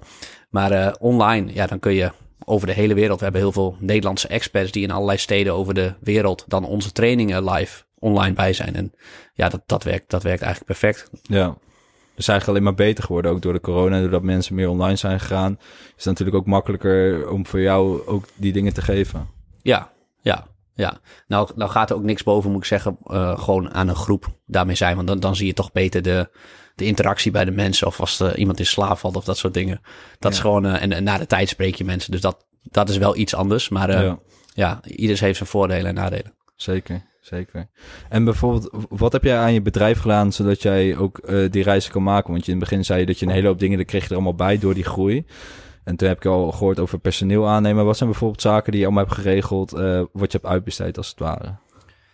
Ja, de hele administratie, want we zijn een online bedrijf. Dus je werkt met allerlei software systemen. En dat moet allemaal aan elkaar vastgeknoopt worden. Ja, En elke keer moeten we, eh, als er een klant iets mailt dat iets niet goed staat, dan moet dat aangepast worden. En eerst dacht ik, ja, dat ga ik, dat ga ik zelf doen, want het is, kost te veel tijd om dat over te dragen aan iemand. En ik kan dat. Ik, ik ken het al, dus eh, ik blijk dat helemaal heel, heel slecht te kunnen. De anderen kunnen dat veel beter. Dus eh, Ja. we, hebben, we hebben nu geweldig personeel die dat, soort, die dat soort dingen oppakt. En het gaat vooral om de systemen, eh, dingen klaarzetten. Dat als ik een mail schrijf naar onze leden, dan doe ik het in een Word-bestand. En dan zij handelen verder alles in de systemen af dat het naar de juiste mensen gaat en dergelijke. Mhm. En dan wordt je leven wat leuker. ja. Dan kan je weer focussen op waar je goed in bent. Precies. Ja, Ja. dat is denk ik wel een goeie. Ja. Sowieso belangrijk inderdaad als je gewoon echt eh, die, die vrijheid wil hebben, ook om te kunnen reizen. Natuurlijk al die praktische zaken wil je eigenlijk zo gauw mogelijk uit hebben besteed. Ja, ja, daar hebben we te lang mee gewacht. Want dat is echt, eh, dat is echt een goede investering. Ja, kijk je in ieder geval goed op terug. Ja. En ik hoorde je ook zeggen dat je, dat je nog heel lang heb je er nog les bij gegeven. Eh, wanneer was het punt dat je echt dacht van oké, nou ja, ik, eh, het gaat allemaal zo, eh, zo goed en ik vind het allemaal hartstikke leuk. Ik stop hier volledig mee en ik ga er helemaal volledig in. Ja, dat was, dat was dus vorig jaar zomer. Ik had dat eigenlijk eerder moeten doen, want op een gegeven moment... Ik gaf nog twee dagen les. Op een gegeven moment ga je allebei een beetje dan half doen. En dan Mhm.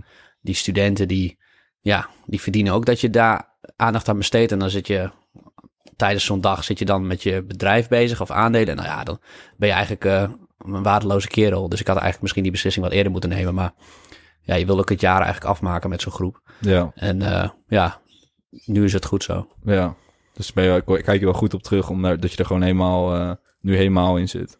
Ja, ja alhoewel ik, ik, mis het, ik mis het lesgeven ook wel. Want er, is niet, er is voor mij niet zo voldoende dan een jong iemand de juiste richting in het leven op te duwen. Ja, En wat ik nu vind, vind ik ook hartstikke leuk. Maar dat is, ja, het echt, het beïnvloeden van de mensenleven.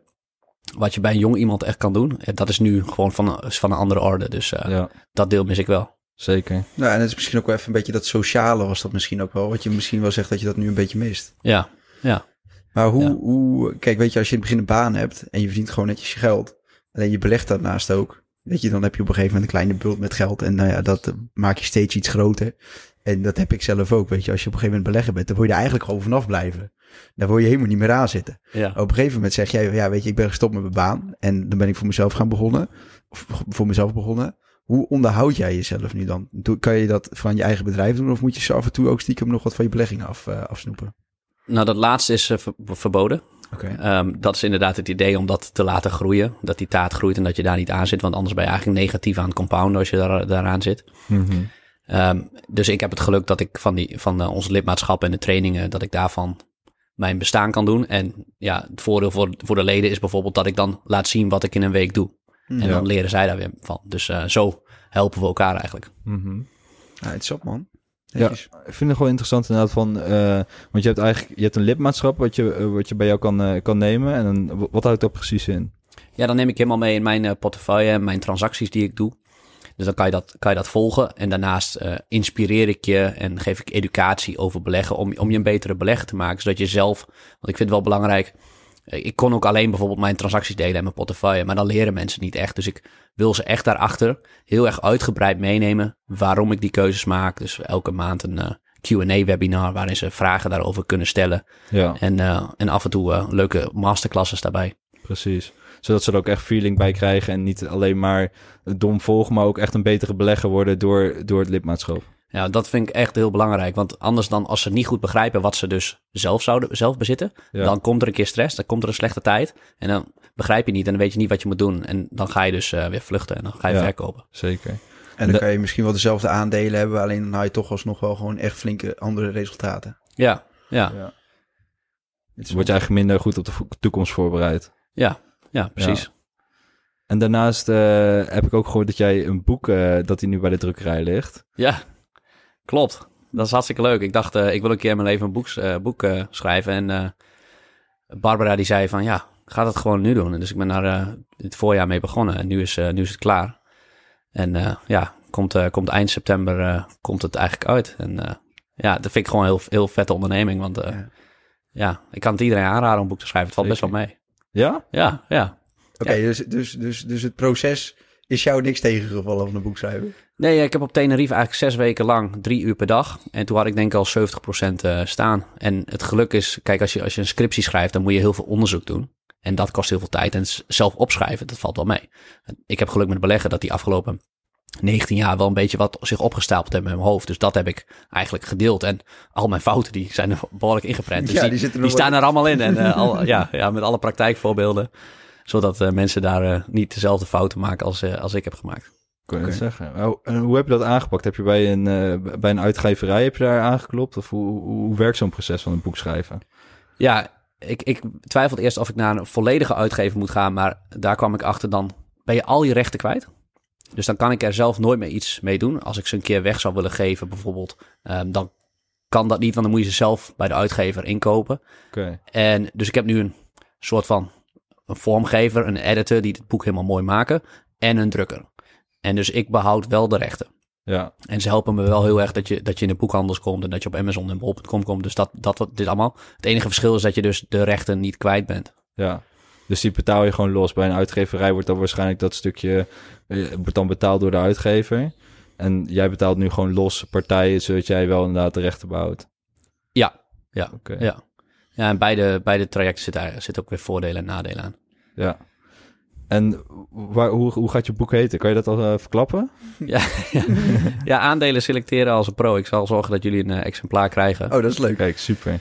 En het gaat vooral om mijn reis die ik heb geleerd en alle fouten die ik heb gemaakt, dat ik aan mensen mee wil geven. En ook hoe je een systeem voor jezelf hebt, want de meeste mensen doen alles maar op een groot deel op gevoel. Hoe je nou met een systeem en ook met, als je toch losse aandelen wil selecteren, hè, want heel veel mensen willen dat toch, ja, ga dan ook een beetje daarin investeren qua tijd.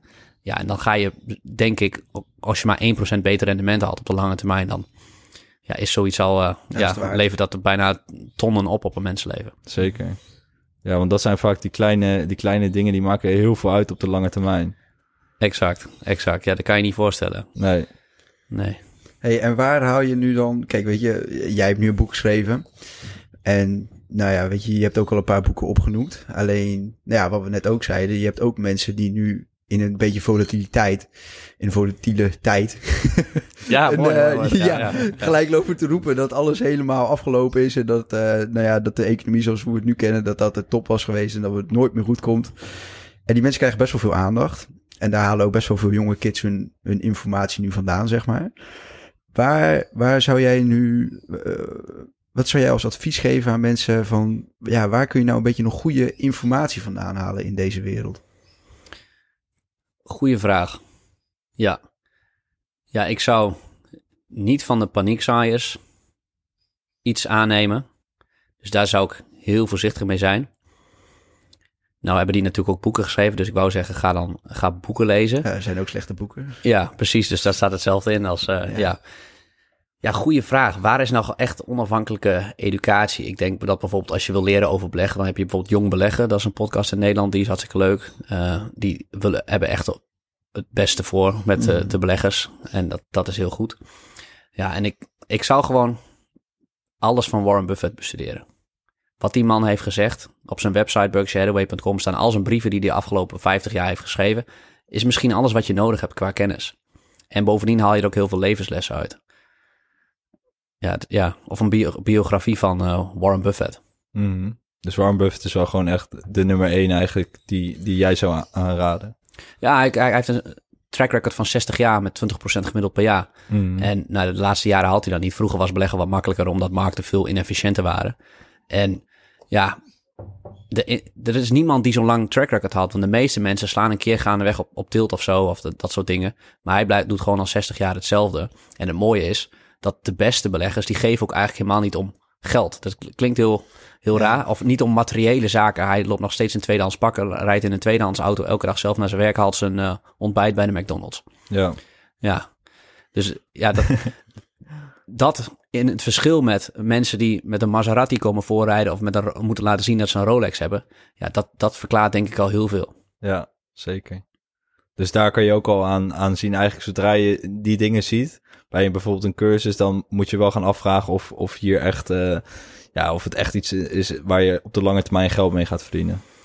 Ja, ja, en als, als er beloftes worden gedaan van rendementen die je gaat halen, ja, moet je, moet je ver, ver weg blijven. Ja.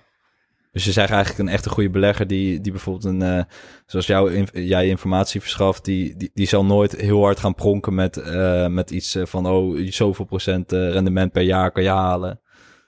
Nee, ja, ja precies. En uh, net als van de advertenties, ook 95% is een scam. En ik denk de beste vermogensbeheerders, die, die doen ook niet aan reclame. Nee. Die, die laten gewoon op lange termijn, nemen ze daar de tijd voor 10, 20 jaar om hun rendement te laten spreken. Ja.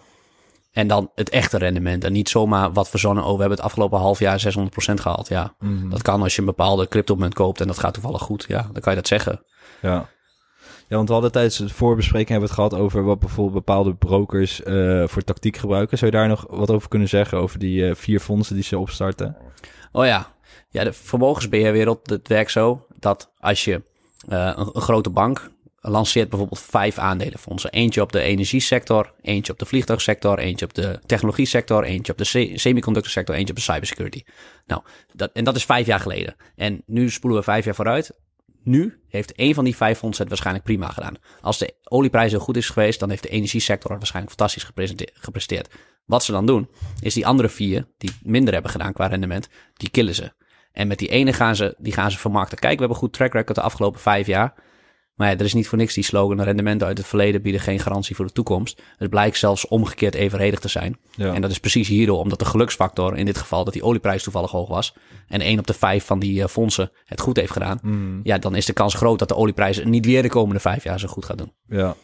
En net als het rendement daarvan. Ja, dus zo zie je eigenlijk dat die cijfers hoeven helemaal ook niks te zeggen over wat je daadwerkelijk gaat behalen met dat fonds in de toekomst. Nee, het was, het is, ik, ik, ik schaam me eigenlijk een beetje dat ik onder, ik ben gewoon onderdeel van deze industrie en hoeveel, ik zeg wel eens, piloten, er zijn ook, er zijn ook slechte piloten, maar per saldo zijn piloten goed. De loodgieters, per saldo zijn ze goed als beroepsgroep. Ja. Maar de financiële industrie, per saldo, negatief. Ja. Onttrekt meer waarde dan dat ze geven aan mensen die willen beleggen of leren beleggen. Ja. En uh, ja, dat, dat snap ik ook wel, want elke industrie waar veel geld in omgaat, komen charlatans op af. Dat heb je denk ik ook de afgelopen tijd in de cryptowereld gezien met allerlei, uh, ja, ook, ook celebrities die bepaalde loesje cryptomunten aanraden. En, waar, Mm. ja, en, en mensen volgen dat. En dat is eigenlijk heel schandalig. Ja. Nou, het vastgoed zie je het ook wel. Ja? Ja, vind ik wel dat mensen daar ook wel eens af en toe een beetje over lopen te schreeuwen en zeggen van nou, ik weet allemaal precies hoe het werkt. Zeker. Eigenlijk heb ik hier nu net opgeschreven wat ik nou net bedacht. Eigenlijk moet je gewoon iedereen vermijden die roept dat ze de toekomst kunnen voorspellen. Die enigszins kunnen vertellen van nou, dit is wat gaat gebeuren. Als je naar mij luistert, dan kan ik het voorkomen voor jou. Exact dat.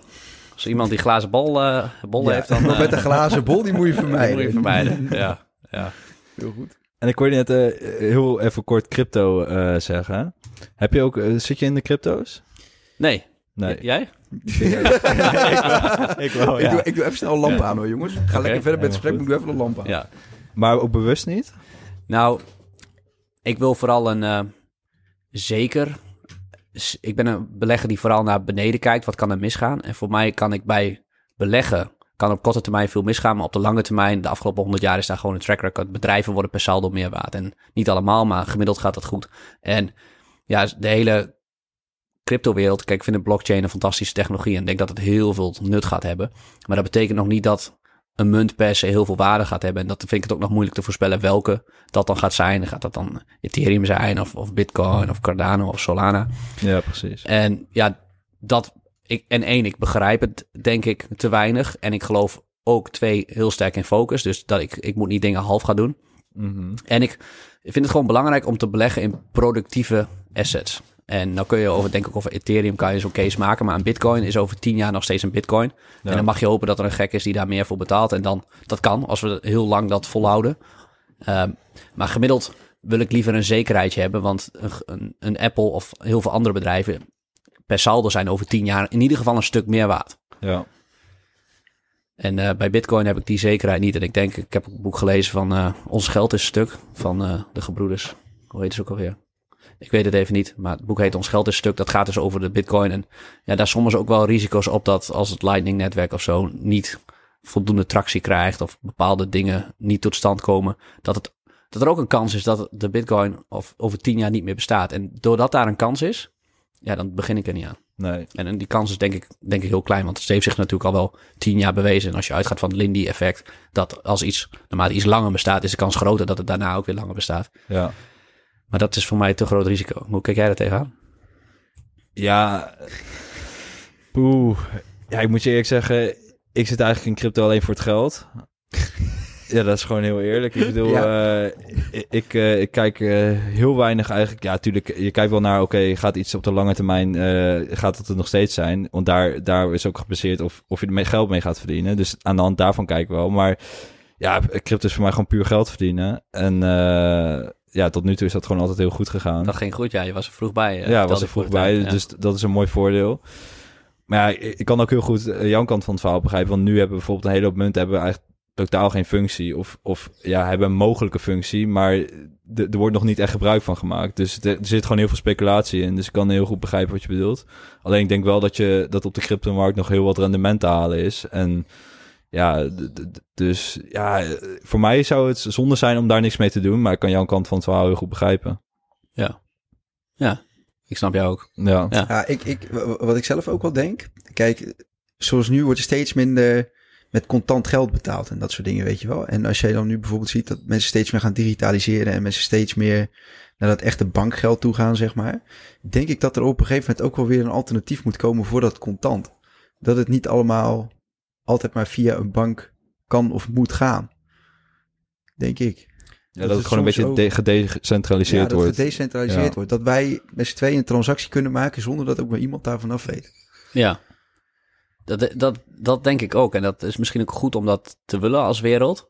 Eh mits daar natuurlijk eh, ook voorwaarden aan, aan worden verbonden. Ja, dat soort zaken. Maar ik denk dat dat goed is. Maar dat maakt het voor mij nog wel lastig om te voorspellen. Welke partij gaat dat dan zijn? Ja, of welke, zeker. welke coin gaat dat, welk blockchain-netwerk gaat dat Zeker. fa- faciliteren? Ja, jouw, jouw manier van analyseren is je eigenlijk nog niet echt geschikt voor. En daardoor is, zeg je ook van ja, daardoor ook die focus gewoon behouden op de bedrijven waar ik dat wel kan doen. En waar ik wel die zekerheid heb. Of nou, zekerheid heb je natuurlijk nooit. Maar in ieder geval waar ik mijn manier kan toepassen. En daar wil je gewoon op blijven focussen. Ja, ja. Ja, en ik denk ook dat heel veel mensen kijken op de eerste plaats, en dat is in de aandelenwereld ook heel extreem, eh, naar rendement. Hoeveel valt er te halen? Wat zijn de kansen? Kijk omhoog. Terwijl ik denk dat je gemiddeld, als je in het leven dingen omdraait, oké, wa- waar kan ik op verliezen? Omlaag kijken, wat zijn de risico's? Als je dat goed onder de knie hebt, ehm, dan gaan de winnaars vanzelf hun werk doen. Ja. Ja, precies. Dus gewoon die downside echt beschermen. Ja, althans, eh, dat, dat, dat werkt voor mij. Dat Ja. werkt voor mij. Zeker. En als je nou bijvoorbeeld naar de toekomst van jouw bedrijf kijkt en jouw manier van beleggen, zijn er nog bepaalde doelen die je wil behalen? Of, of heb je nog een bepaalde visie waar je graag heen zou willen werken? Nou, het zou leuk zijn als ik de komende 40 jaar ook de index versla. Ehm, niet dat ik anders ga stoppen of zo, denk ik. Want het is, het is, het is keus. Ja, ja en ehm, ehm, met het bedrijf ja, wil ik gewoon... Ik, ik wil gewoon een lekker stabiel doorgroeien. Dat hoeft allemaal niet zo snel te gaan. En eh, ik denk dat we veel leden hebben die, die hun leven lang lid blijven... omdat ze elk jaar daarin geïnspireerd worden... en niet dat ze één jaar eens iets, een, een, klant worden... en dan gelijk weer weggaan, wat je bij de meeste... wat je bij veel andere partijen ziet. En eh, dat lijkt me gewoon heel leuk, dat die, dat die leden ook over 30 jaar... we gaan in najaar ook een fysieke dag organiseren... dat we bij elkaar gaan komen... dat die over 30 jaar dat we met elkaar heen groeien... en dat we achteraf kunnen zeggen... het was echt een fantastische rit. En vooral genieten tijdens de rit. En die uitkomst is waarschijnlijk dat er voor iedereen een grote zak met geld in ligt. Je kan met beleggen rijk worden, maar het kost gewoon heel veel tijd. En eh, ja, dat lijkt me gewoon heel erg vet. Ja. Ja, dat vind ik wel heel mooi dat je dat zegt. Want je ziet ook aan jou, als je, zodra je zoiets zegt, dat het uit oprechtheid komt. En dat je het ook inderdaad heel mooi vindt om een, juist een grote groep mensen te hebben die jou op lange termijn blijven volgen. En ook bij je blijven vanwege de kwaliteit. Dus dat, is, dat vind ik echt sowieso een hele mooie om, eh, om te zien. En ook, eh, ja, dat hoor je niet heel vaak, zeg maar. Leuk om te horen. Ja, nou, die heb je alweer. Kan weer Ja, naar huis gaan Ga halen. huis, nee, helemaal goed. Ehm Rowan, ik ben eigenlijk ook nog wel even benieuwd naar jouw kijk op de huidige economisch klimaat. Wat vind jij nou op het moment dat jij nu naar de wereld kijkt? Wat zie jij als kansen? Als kansen. Ja, En wat bedoel je met kansen? ja gewoon.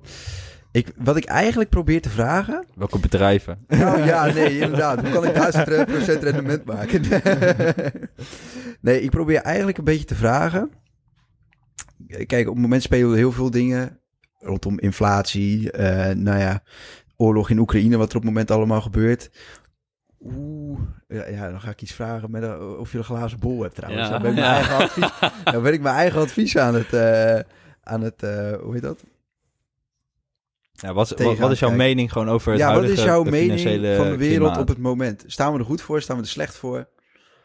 Ehm, als je het echt qua economische groei hebt... en dan, dan eh, gaan er wat slechtere tijden aankomen. Mhm. En dat is denk ik eh, dat is, dat is eh, prima, want dat is de economische cycli. Dat kennen we ook al honderd jaar. De, de tijd gaat het goed, de tijd gaat het slecht. En dat is oké, want de economie heeft ook nodig om, als het allemaal te hebzuchtig wordt, de arbeidsmarkt ontploft, veel te krap, is het goed dat er weer wat correctie op komt en dat dingen weer afkoelen. Want heel veel mensen hebben het nu over die hoge inflatie. Het is denk ik wel handig voor veel mensen, eh, want inflatie is natuurlijk wel echt een monster voor mensen met spaargeld bijvoorbeeld. Ehm, ja, dat, dat, dat daar weer wat, dat dat afkoelt. Want dat, eh, zoiets kan een maatschappij ontwrichten. Maar volgens mij zijn de centrale banken en zo daar best wel mee bezig. Alhoewel daar natuurlijk veel wordt afgegeven. En je kan er veel van vinden, want ze zijn daar misschien wat te laat mee begonnen. Maar wat de beurs gaat doen het komende maand, of het komende half jaar, het komende jaar, heb ik geen idee.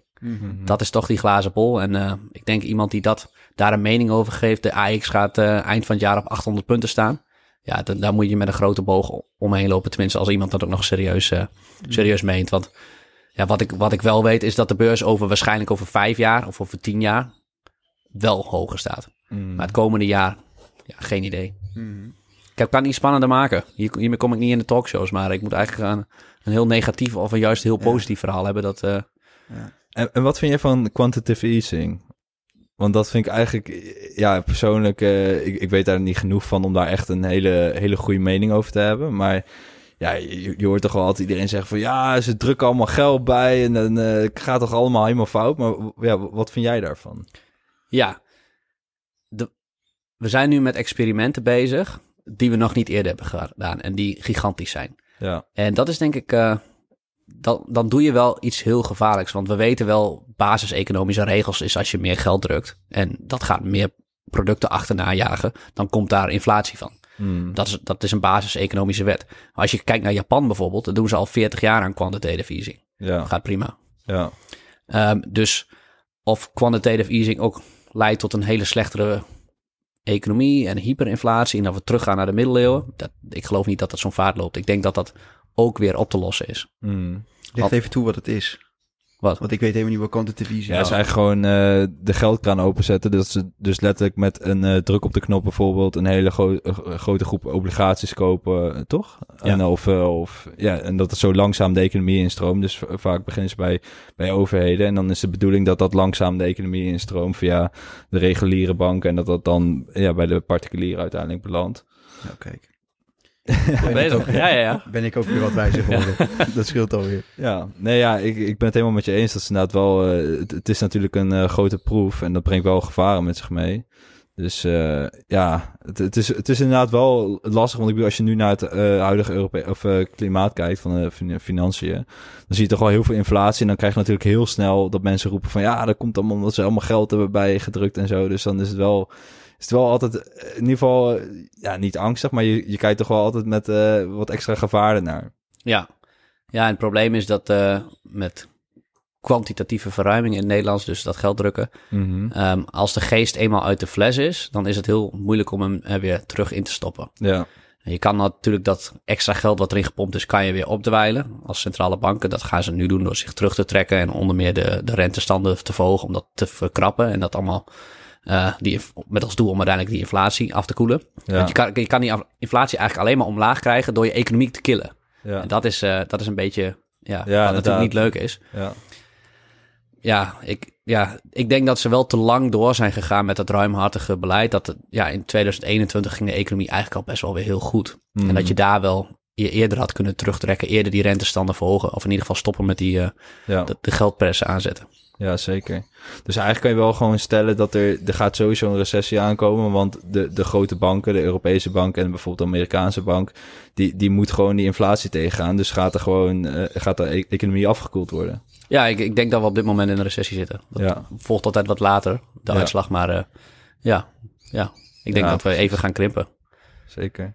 Dus is dit een goed moment om te gaan beleggen of niet? Nou, gemiddeld zijn... eh, kijk, de beurzen natuurlijk dit jaar staan de beurzen wereldwijd ongeveer 15 à 20 procent lager.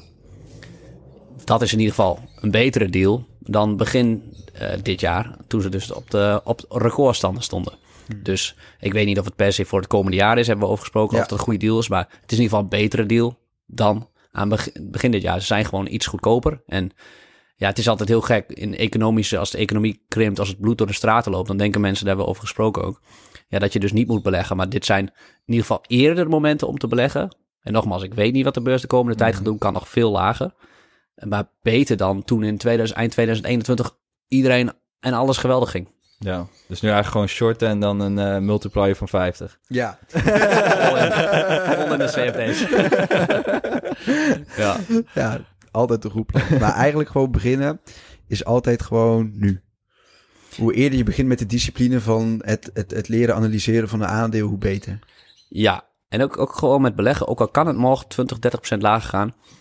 Begin met eh index beleggen. Doe dat maandelijks op een vast moment in de maand. eh, De eerste maandag van de maand. Op 12 uur log je in en koop je dat fonds. En als het dan nog veel lager gaat, is het eigenlijk je voordeel. Want ja, je koopt dan eigenlijk goedkoper. En als het omhoog gaat, ja, dat deden met een term dollar cost averaging. Dat gebruiken ze altijd een duur woord, de beleggingsindustrie. Maar eigenlijk koop je gewoon periodiek je aandelenmandje. En dan eh, doe je het op de lange termijn. Volg je gewoon het, de gemiddelde rendementen met index beleggen. Nou, als je het leuk vindt met losse aandelen, kan je dat ook gaan doen. Dan werkt dat iets minder, dat systeem. Maar dan eh, kan je daar ook een hele mooie portefeuille mee opbouwen. Oké, dus dat is eigenlijk een beetje, dan toch wel een klein beetje een advies naar de jongere mensen misschien die luisteren. Begin gewoon, ook al is het met indexfondsen, misschien dat dat ook in het begin wel, nou ja, de beste keuze is. En koop gewoon iedere maand netjes voorbij. En dan zit je eigenlijk bijna op de lange termijn altijd wel goed. Ja. En het grappige is dat je dan moet hopen dat je drie maand later of een half jaar later hoopt dat je in de min staat. En dat voelt natuurlijk niet zo, dat, het- dat het goed is, want je bent geld kwijt. Hmm. Maar die onderliggende bedrijven worden gewoon elk jaar per saldo wel meer waard. Oké. En Dus- durf fouten te maken in het begin. Ja, je gaat sowieso leergeld betalen. Ja, Ja. inderdaad. Nou, ja. Ik zeg ook vaak, met elke belegging word je of wijzer of rijker, maar nooit allebei. Want als het goed gaat, ja, dan leer je er eigenlijk niet zoveel van. Maar van die fouten, en de kunst is om daar, eh, daarvan te leren, daarin te duiken en dat goed in je hoofd te prenten. Ja, die fouten die zijn eigenlijk gewoon heel belangrijk om te bouwen aan je toekomst eh, als goede belegger. Ja, ja dat is, eh, het doet pijn, maar eh, en reflecteren daarop is, is eigenlijk helemaal niet leuk. Maar eh, het is wel echt mega belangrijk. Ja. En hoe kijk je naar de toekomst van je eigen bedrijf? Ja, goed. Ik vind het hartstikke leuk. Heb je nog plannen? Nee. Eigenlijk zoals hoe het nu staat. Je wil gewoon lekker je leden allemaal netjes bedienen. Lekker jouw visie op het beleggen delen met de mensen. En dan is het goed voor jou. Ja, en ik, denk- ik denk dat ik op de lange termijn ook wel eh, misschien iets breder zou willen trekken. Ook meer op mindset en dat soort zaken. Want dat is ook te relateren aan beleg. Want ik zei 50% is mindset. En ja, dat, want ik vind de psycho, de, van de 500 boeken die ik heb gelezen, gaan er denk ik 100 over psychologie, sociologie en menselijk gedrag en gedragseconomie. Ja, dat is, is iets fascinerend hoe de mens zich gedraagt. En daar zou ik ook wel wat, eh, wat meer mee willen. Dus misschien mijn volgende boek. Mensen helpen met een mooi leven. Ja, ja. Ja, gewoon relaxed. Iedereen wil toch een mooi leven. We zijn hier hartstikke kort en eh, het beste ervan maken. Volgens mij doen jullie dat perfect met z'n tweeën. Met z'n drieën zijn jullie Ja, met z'n drieën Ja, ja, ja. Maar hij mist eventjes. Maar dat, Ja. eh, we doen ook ons best. Ja. Ja, mooi dat we dit zo kunnen delen. Heb jij eh, nog vragen, Toet, eh, die je graag wil stellen? Nou, eh, ik wou af, ik weet dat, ik wou inderdaad opbouwen naar de afsluiten. Nou, dat heb je helemaal goed. Dan Tim. zou ik zeggen... Doe ja. hem. Zal ik hem aftrappen? Doe maar. Nou, we hebben eigenlijk altijd eh, één eh, afsluitende vraag. En dat is, eh, als je één ding zou mee mogen geven aan onze luisteraars, wat zou dat dan zijn over jouw, bijvoorbeeld jouw belangrijkste les? ja, neem kleine stapjes. Als je iets wil bereiken in het leven en je gaat in één keer heel groot doen. Je gaat naar de sportschool, je gaat gelijk vijf keer in de week. Vaak gaat zoiets mis. Of als je wil afvallen, je gaat echt een extreem dieet doen, gaat, gaat mis. Is te groot, redden we niet. Maar als je stap voor stap gaat, je gaat twee keer in de week naar de sportschool, gewoon een half uurtje. En je maakt er een nieuwe habit van, een gewoonte. Ja, dan ga je op de lange termijn met die kleine stapjes, ga je zoveel bereiken. En ja, die, ik denk dat Bill Gates die quote heeft gemaakt, maar iedereen heeft die quote gemaakt dat we eigenlijk overschatten wat we in een jaar kunnen doen. Maar we onderschatten allemaal wat we in vijf jaar kunnen doen. Mm. En op lange termijn ga je zoveel resultaat zien van gewoon hele kleine stapjes, elke dag jezelf iets verbeteren. Ja. Ja, dat compound zich echt, net als rendement op rendement. Maar ook met het leren of het leven, eh, met relaties. Als je gewoon elke dag eh, lief bent voor je vrienden of voor je, voor je partner. Ja, dan compound zich dat in goede, goede relaties in je leven. En dat geeft denk ik een heel voldoende leven. Zeker.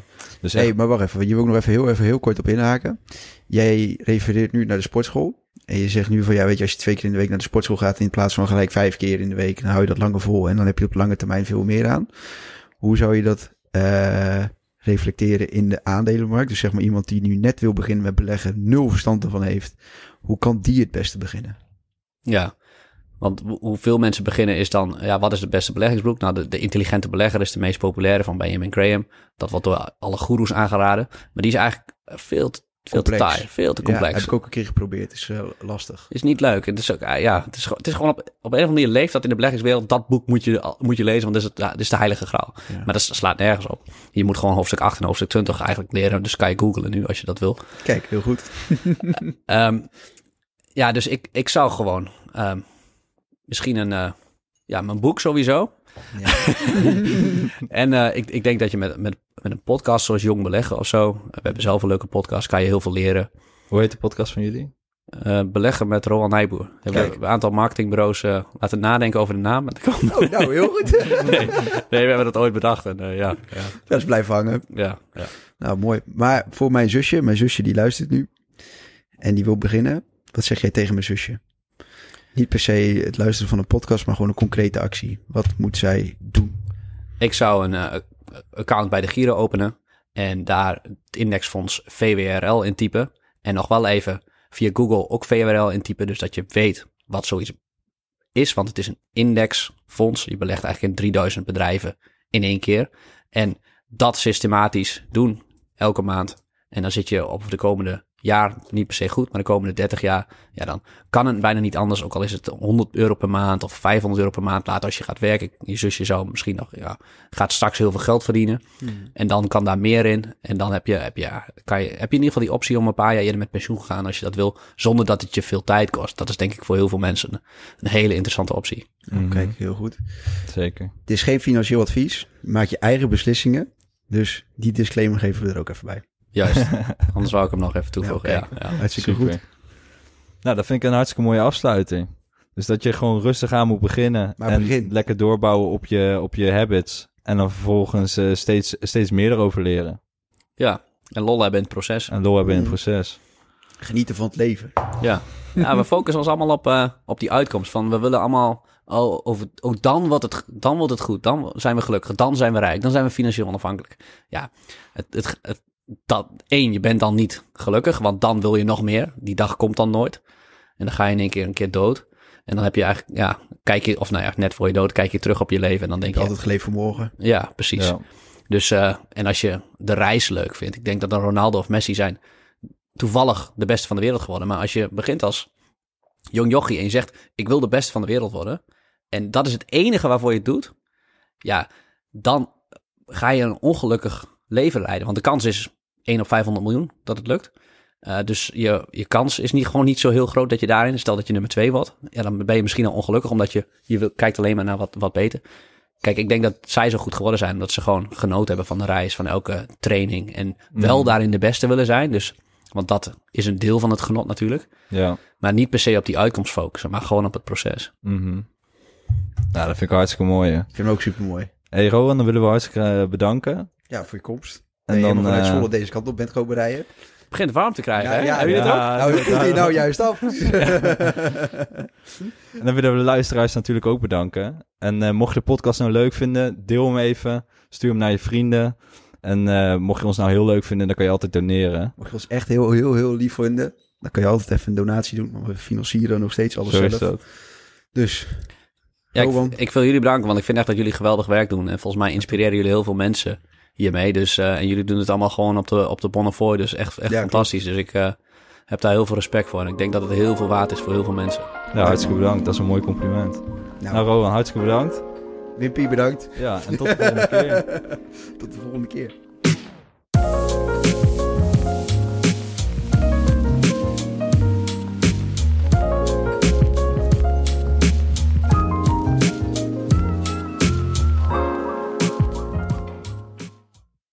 Welkom bij Ondernemend, het nummer 1 platform voor ondernemers.